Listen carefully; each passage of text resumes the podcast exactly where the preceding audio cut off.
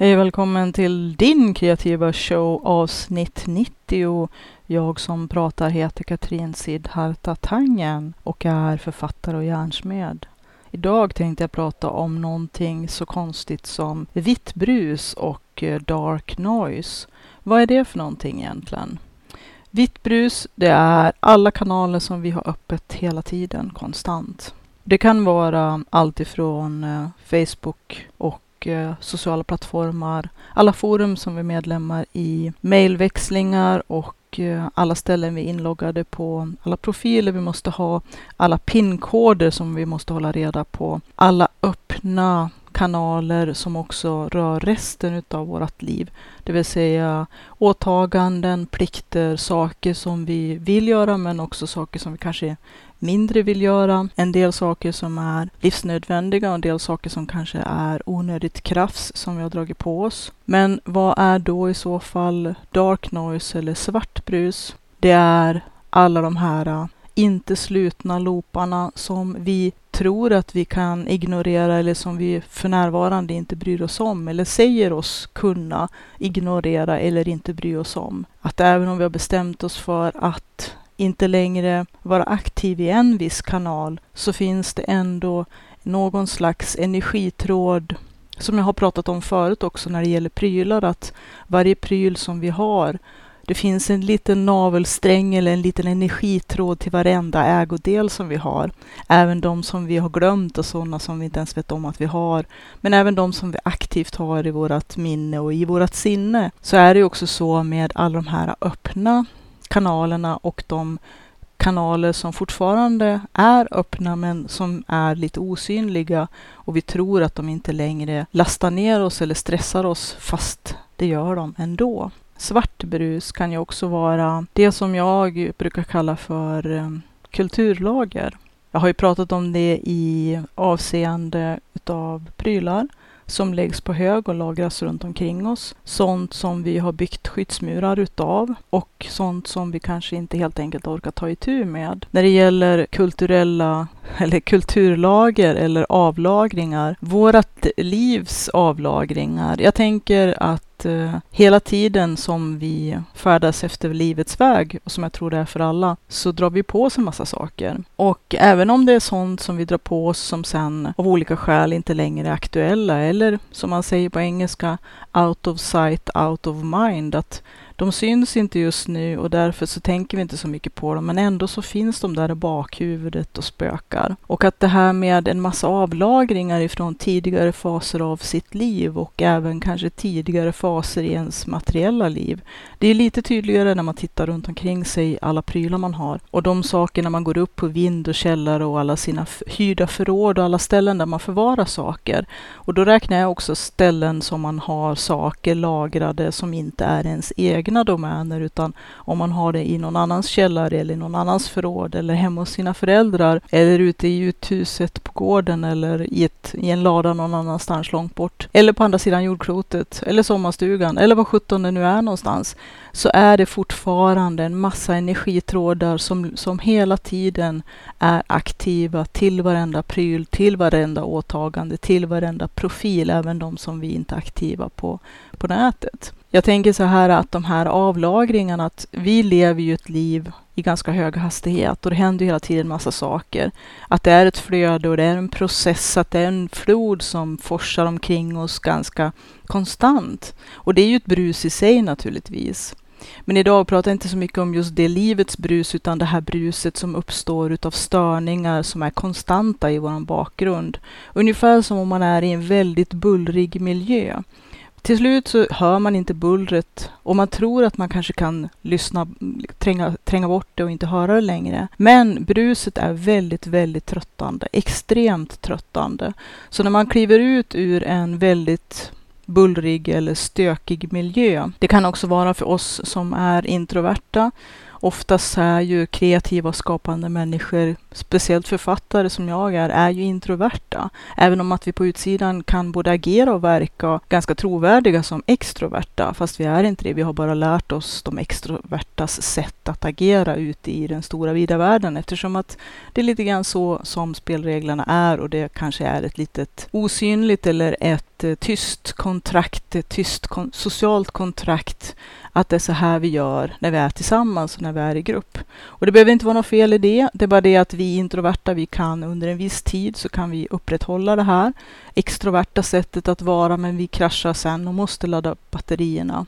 För extroverta är det tvärtom, att vara i, inte i stökiga miljöer, eller stökiga miljöer kanske är fel ord, men i miljöer med väldigt mycket sociala kontaktytor och interaktioner så skulle det vara väldigt dränerande energimässigt för dem att vara själv eller sitta i ett tyst rum. Det skulle de inte palla.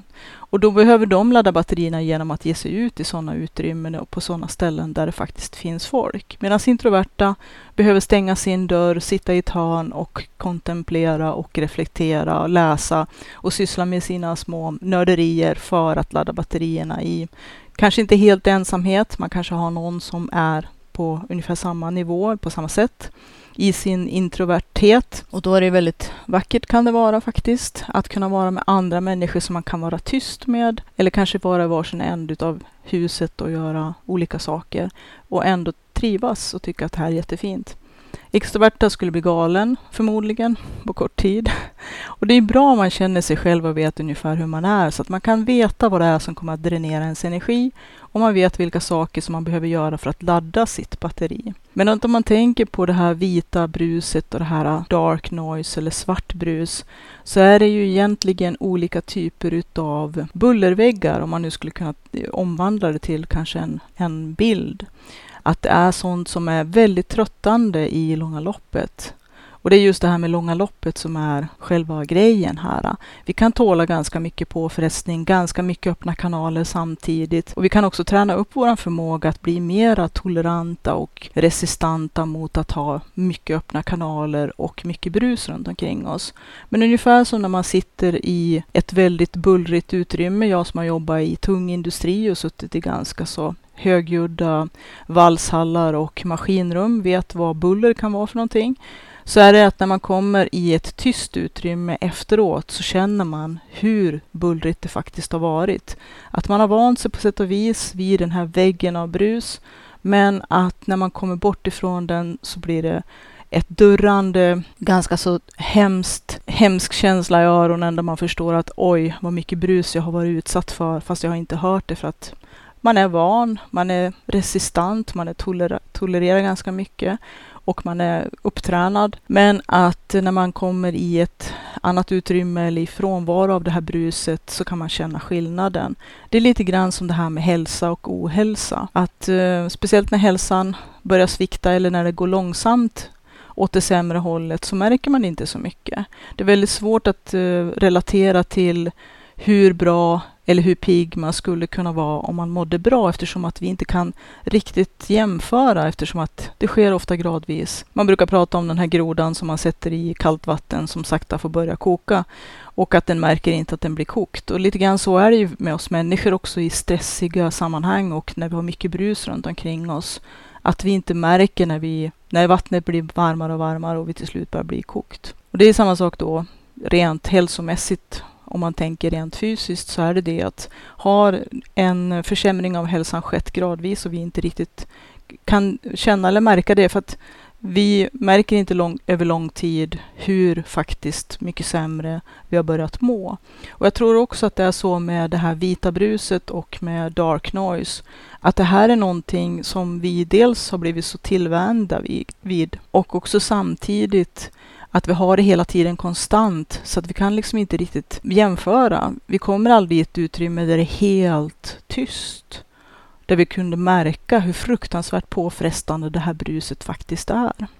Och det allra mest påfrestande det är faktiskt det här dark noise. Vitt brus, det märker vi och vet hela tiden. När vi börjar bli lite för pressad utav ungefär en miljon inloggningar och 38 olika öppna kanaler med kommunikation med människor och saker som ska göras och kom ihåg-listor och att göra-listor och fullklottrad kalender och folk som pockar och sliter i oss hela tiden. Att det är ganska så, det är ganska så märkbart, rent fysiskt också många gånger. Och vi kan också känna stressen byggas upp.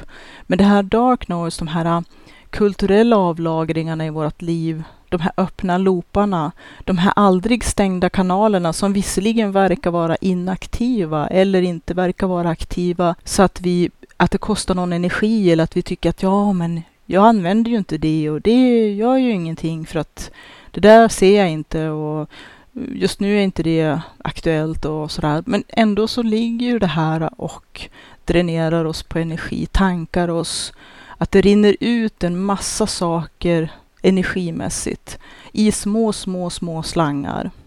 Men det kommer inte in någonting. Och det är det som jag tänker att det som kan vara boten mot det här, det är att se över alla sina inte stängda kanaler som man tror att man kan hålla inaktiva eller ha en öppen loop och att de ändå inte ska ta energi av oss. Jag kan ta en jämförelse. Det blir ju väldigt mycket jämförelse nu med sociala plattformar och digitala devices och så, men jag tror att det är någonting som alla kan relatera till eftersom att våra liv i övrigt, både vad det gäller privat och yrkesmässigt och kreativt, kan se väldigt olika ut.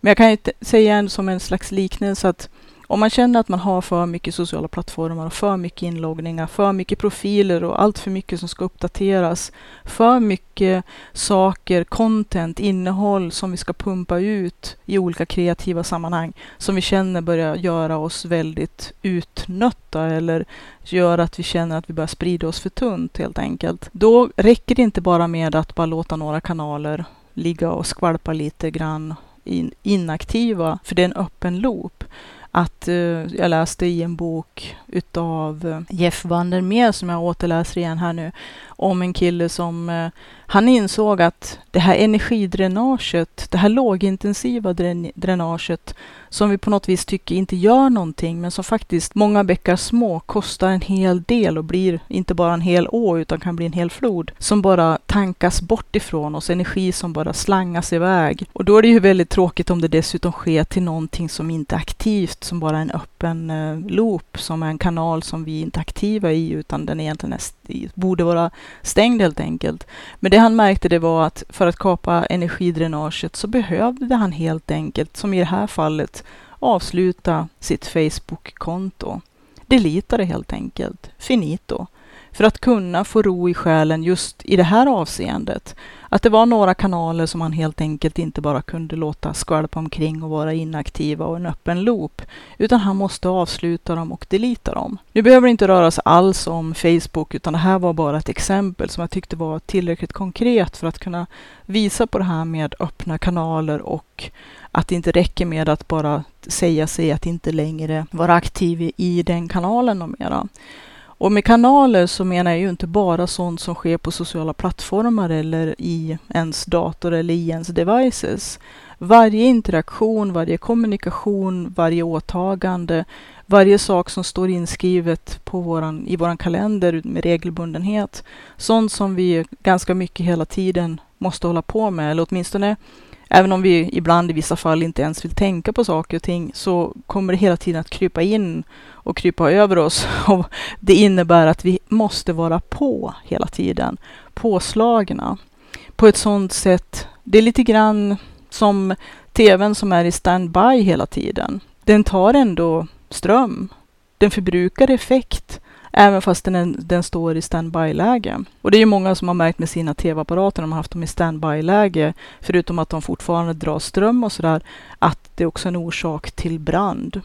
Så att stäng av tvn på riktigt på, på kvällarna. Gäller också för dat datorer och skärmar och sånt där. Och att inte ha laddan till mobilen kanske heller, för att det har ju varit en hel del bränder med sådana också. Men att jag tycker att det är en ganska bra liknelse det här med tvn i standby-läge. Den fortsätter att dra ström även om det är låg, lågintensivt. Den fortfarande kommer att kräva effekt. Det är ungefär som en transformator. Att den kommer ändå att ha en viss eh, effekt som går åt även fastän att den inte är belastad. Så länge någonting är påslaget så är den, kommer den naturligtvis att både dra ström och eh, utveckla en viss värme. Och i vissa fall till och med faktiskt riskera eller kunna vara en risk att börja brinna mitt i natten om man har otur. Och lite grann så är det ju lite med oss människor också, att vi har alla de här lågintensiva standby-prylarna som gör att vi tycker att det här är väl ingenting att hetsa upp sig för. För varenda grej i sig, den här lilla strömmen som tv-apparaten eller dataskärmen tar när de är i standby-läge, de är inte på. Men de är inte avslagen heller. Det här är ju själva grejen. De är inte på, men de är inte avslagen heller. De drar en liten, liten energi, en liten, liten ström, utvecklar en viss liten, liten värme och belastar ju helheten i vårt system. Och det som jag tänkte komma fram till med allt det här snacket, det är att det är ju väldigt, väldigt svårt i våran nu ganska brusiga tillvaro med allt som det innebär. Inte bara devices och sociala plattformar och tv-apparater och tv-serier och alla saker vi faktiskt måste göra med livet som jag pratat om i några avsnitt nu, utan för att få loss kreativ tid, kreativ energi, kreativiteten som sådan, då måste vi ha bandbredd. Och bandbredd hela tiden äts upp utav allt det här. Alla de här små energidränagen, allt det här bruset inverkar menligt på våran bandbredd.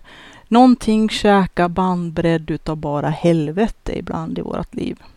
För det här går ju lite grann i perioder naturligtvis. När vi är mer belastade, då märker vi att våran bandbredd är ganska pressad i sin grund. Men när allting går hyggligt bra, att det bara är som vanlig vardag, så liksom hankar vi oss fram ändå att okej, okay, vi är lite trött. Vi har inte riktigt energi. Det är lite kämpigt ibland sådär. Det är när vi blir pressade som vi märker hur mycket bandbredd vi har. Eller rättare sagt hur mycket bandbredd vi inte har. Och då tänker jag att förslaget skulle ju vara då att titta över alla sina öppna kanaler. Vilka ska vara kvar? Vilka är tillräckligt givande? Och även om kanaler är givande kanske vi ändå måste stänga av några stycken och fimpa dem, delita dem permanent, åtminstone för nu. Jag menar om man nu deletar eller stänger av sitt Facebook-konto så behöver ju inte det vara för alltid och för evigt. Om det nu är just Facebook-konto som man tycker kostar mycket mer energi, mycket mer energi än vad det ger. Det kan ju vara någonting helt annat också.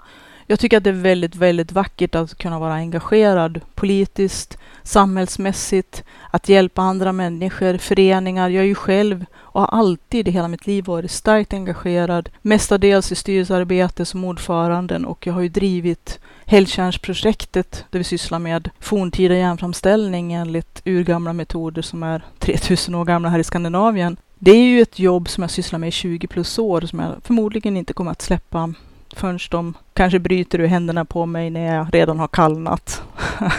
För att vara lite morbid så här.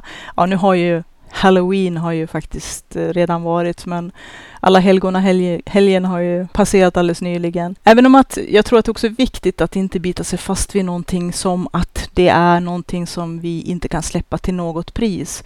För det är här som de flesta som blir utbrända faktiskt brukar göra sig själv väldigt illa. Att när vi har investerat väldigt mycket i någonting, tid, energi, hjärteblod, engagemang, tankemöda, vad det nu är för någonting, då är det väldigt svårt att släppa.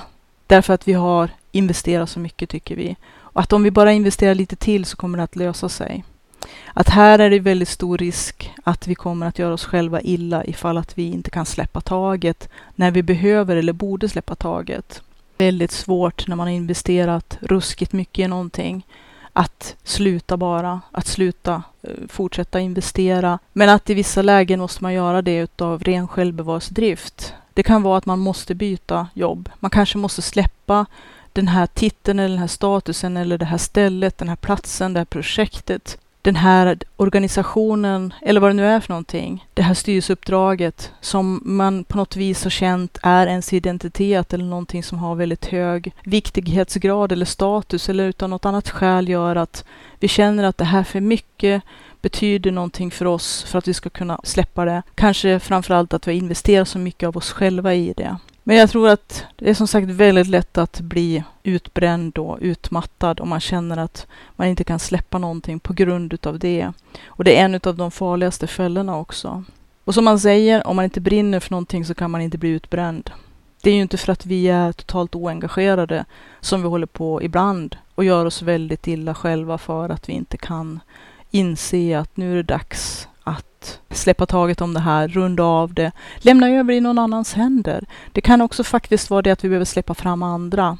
Att vi har gjort vårat i det här och det kan vara svårt att släppa en given plats på något sätt, där vi är väldigt självklara och där vi är väldigt, ja, där vi har våran givna plats eftersom att det är någonting som vi har arbetat oss fram till och förtjänat och där vi är betraktade som kanske ett tungt namn, en auktoritet, där vi har en väldig respekt, där folk har ett förtroende för oss och där vi har ett namn. Det kan vara svårt att släppa det, men också faktiskt förstå att ibland kan det vara bra att släppa fram andra och själv fortsätta vidare på sin egen väg. Som jag var inne på i ett tidigare avsnitt, att eh, vi måste fortsätta utvecklas. Att jobba defensivt i hemmazonen för att snacka lite sportmetaforer som jag vet en av mina vänner skulle bara hata. Men så är det ju faktiskt det att om vi fortsätter att bara vila på våra lagrar och inte utvecklas mer så är det risk att vi stagnerar. Och när vi stagnerar så börjar vi känna oss hotade. Vi börjar försvara oss mot dem som vill göra någonting annat eller någonting nytt. Våra kreativa och vi har helt enkelt stelnat i våran form. Då är det väldigt stor risk att vi kommer att hindra inte bara vår egen utveckling men även andras utveckling. Ibland är det dags att stiga av och göra någonting nytt. Hitta sin nya väg, sitt nya äventyr, att förnya och fortsätta utvecklas, att försätta sig själv utanför sin comfort zone utmanas igen. Anta utmaningen. Göra någonting som man inte är helt självklar i. Någonting där man får kämpa igen. Någonstans där man måste lära sig lite mera. Gå utanför sina redan kända domäner. Ut på upptäcktsfärd, äventyra och att våga misslyckas igen. Men det här med våra kulturella avlagringar har ju också ganska mycket med det här med att ha stelnat i sin form att göra. Och det här är ju rena kryptoniten för kreativiteten. Därför att stelnade avlagringar, flottigt fett som har samlats runt spiskanten och eh, kulturella lager kanske är väldigt sexigt när man är arkeolog. Att gräva ut vad som hände i forntiden och se lager för lager vad som hände. Men jag tror att i våra kreativa liv så är det verkligen inte sexigt alls. Och att man kanske måste se över sig själv ibland. Göra en revision eller revolution och då menar jag inte en blodig revolution som är utåtriktad och sådär, men jag menar en inre revolution Dags att se lite nytt, tänka lite nytt, göra lite nytt. Bli förnyad och göra någonting helt annorlunda, släppa sina gamla käpphästar och kanske hitta helt nya former, helt nya forum för den man vill vara och den man vill bli. Men det kräver ju att vi fixar fram lite bandbredd. Och det är det som jag vill komma fram till här, att, att ha hela sin bandbredd fullstokad eller fullchokad och helt intecknad ända upp till taknocken gör att det finns inte en strimma, inte en skärva, inte en liten, liten bite kvar för att göra någonting nytt, någonting fräscht, någonting utmanande, någonting häftigt, någonting som skulle kunna få oss att se nya prylar, tänka nya tankar, hitta nya vägar, då måste vi karva ut den här bandbredden åt oss själva. Och det är inte helt och hållet smärtfritt. Det kan vara jobbigt att frigöra sig från sina egna kulturlager, för att de har ju blivit en del av oss själva. Att vi tycker att det här är som vi alltid har sysslat med, här kan man ju upprepa igen nyckelordet här. Det här har jag ju alltid sysslat med. Eller det här är ju jag det här har jag kanske börjat förknippa så hårt med min egen identitet, med min egen person, att det är väldigt svårt att släppa. Vilka skolor jag har gått, vilka böcker jag har läst, vilka filosofier jag tycker är rätt, vilka politiska åsikter jag anser är rätt, utan att kanske ha tagit in ny information, omvärldskoll, fått in mer feedback, att vi har blivit ett slutet system ett stängt system som är fullt utav gamla avlagringar, kulturlager. Eller om man ska vara lite mer krass, en massa gammal skit som har lagrats och stelnat och stagnerat. Och det kanske är dags att eh, inte bara tvätta ur hela karossen utan även kasta ut det lortiga badvattnet. Nu är jag lite sådär idag kanske, jag vet inte. Jag kanske har druckit för lite kaffe eller för mycket. Jag vet inte, vi får se. Men jag tänker så här, att för att få loss lite bandbredd måste vi också se över det här bruset som vi har. Att det vita bruset, det är det här pågåendet, allt som hela tiden pockar på oss, pockar på oss, pockar på oss. Det här bruset är ju oljudet som hela tiden den här bullermattan som är bakom oss hela tiden. Mentalt. Det behöver inte alls vara buller i verklig bemärkelse. Det kan också vara det. Vi kanske behöver en fristad. Vi kanske behöver se, se om vi kan hitta en plats där det kan vara tystare, lugnare, där det inte finns så mycket brus som vi kan retirera till för att ladda batterierna, för att kunna reflektera, för att kunna gå in i oss själva och som jag pratat om i en tidigare podd här med att dagdrömma, att finna utrymme för fantasier och att utveckla sig själv genom brainstorming, mindmapping och lite hälsosam plats i lugnet. Kanske stormens öga. Om vi kan hitta en sån fristad där vi tillfälligt kan få tyst, att få våran hjärna att expandera i den här bandbredden som vi har, men som hela tiden är intecknad. Och jag skulle helst av allt se att man inte gjorde det bara tillfälligt, att inte bara vara en fristad för att kanske kunna hämta andan mest, för att fortsätta hålla näsan över vattenytan, utan även i ett längre perspektiv, mer hållbart, ha mer tillgång till sin bandbredd på permanent basis. Och då måste man kanske också släppa taget om sånt som man har känt eller klamrat sig fast för hårt kring alldeles för länge. Att eh, skava av, skotta ut några kultur, gamla avlagringar, gamla kulturlager som kanske var väldigt viktiga på den tiden det begav sig, men som nu har tjänat ut sitt syfte. Egentligen inte längre är aktiva, de är bara öppna loopar. Eller en stelnad form som vi antagit. Men som fortsätter att kräva energi. Vi måste ju upprätthålla allt det här. Men också de här äh, delarna av vårt liv som blir den här äh, svarta störningen. Den här äh, ungefär som diffus ångest. När vi inte riktigt vet varför vi mår lite kass. Varför vi känner oss låg. Vad är det som någonstans i bakhuvudet ligger och skaver, som vi känner, det är något som gör mig olustig. Vad kan det vara för någonting? Vi tycker att det är någonting som gör att vi mår riktigt kass, men vi får inte fingret på det. Vi är inte direkt olyckliga över någonting. Det finns inget speciellt stressande eller hotfullt just nu eller någonting som vi har ågren för eller någonting som vi går omkring och gruvar oss för som ska ske. Det är bara business as usual. Det är samma, ungefär vanliga vardag. Inget speciellt. Men när man då börjar rota lite grann, i alla fall som det har varit för mig, i varför just nu mår jag lite halvkass. Varför känner jag mig lite diffust olustig eller diffust orolig?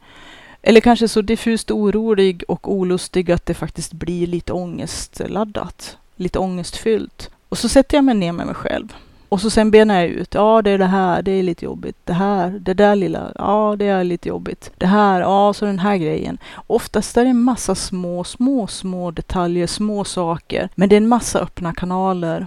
Och de i sig är inga stora prylar. Det är ingenting som är speciellt stressigt. Det är inte speciellt ångestladdat eller ångestfyllt. Det är egentligen inte stressande och pressande alls. Det är bara det att det är många, många, många små saker som liksom gnager på en som en massa termiter.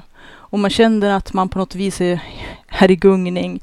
Att eh, många, många små termiter som, som håller på och gnager på, på trossbotten och kanske håller på att försätta hela husgrunden i gungning, kanske underminerar hela bygget. Och det är det som gör att vi känner oss ångestladdade. Det, är inte, finns ingenting som kan, man kan peka på att jag är just nu superorolig för det här, eller det här är verkligen stressande. Utan det är alla, alla de här små, små sakerna som gnager på oss, som skaver i oss, som kräver en liten, liten, liten energiström ifrån oss. Men att när de blir för många och kanske också för disruptiva, för avbrytande, som sliter i oss hela tiden, så känner vi oss väldigt hoppiga.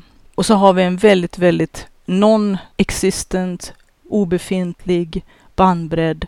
Så minsta lilla kris, minsta lilla extra press eller någonting oförutsett som dyker upp, som kanske är en skitgrej också, en liten sak eller en stor sak för all del, då kan vi känna oss helt nedmejade den lilla tuvan som, som välter stort lass, som man sa förr i tiden. Och det kan ju stämma så himla väl egentligen. Jag tänker också att det här kan ju vara förebyggande på så många sätt att försöka minimera så mycket man kan det vita bruset se alla de här kulturella avlagringarna, allt det här svarta bruset, de här inte stängda kanalerna som är öppna och fortsätter att ta energi fastän att vi har sagt oss att vi inte längre bryr oss. Men ändå så finns den här energitråden som tar. Som tar men inte ger någonting. Och då måste vi kapa banden.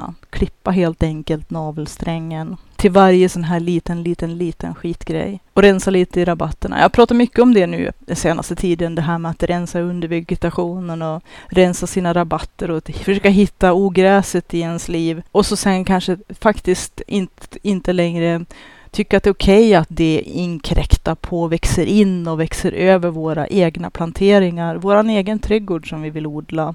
Det är kanske är dags att se över våran trädgård helt enkelt. Hoppas du haft behållning av den här podden och att du fortsätter att leva ett kreativt liv. Du kan gå in på www.siddharta.se, kan klicka på bidra, skriv gärna en rad. Och jag som har pratat heter Katrin Siddharta Tangen och är författare, järnsmed, driver en webbutik, ett eget förlag, skriver böcker och eh, tänker en hel massa. Förutom när jag planerar, researchar och spelar in en podcast för att du ska kunna lyssna på den. Hoppas du haft behållning av den här lyssningen och vi hörs igen. Ha det gott!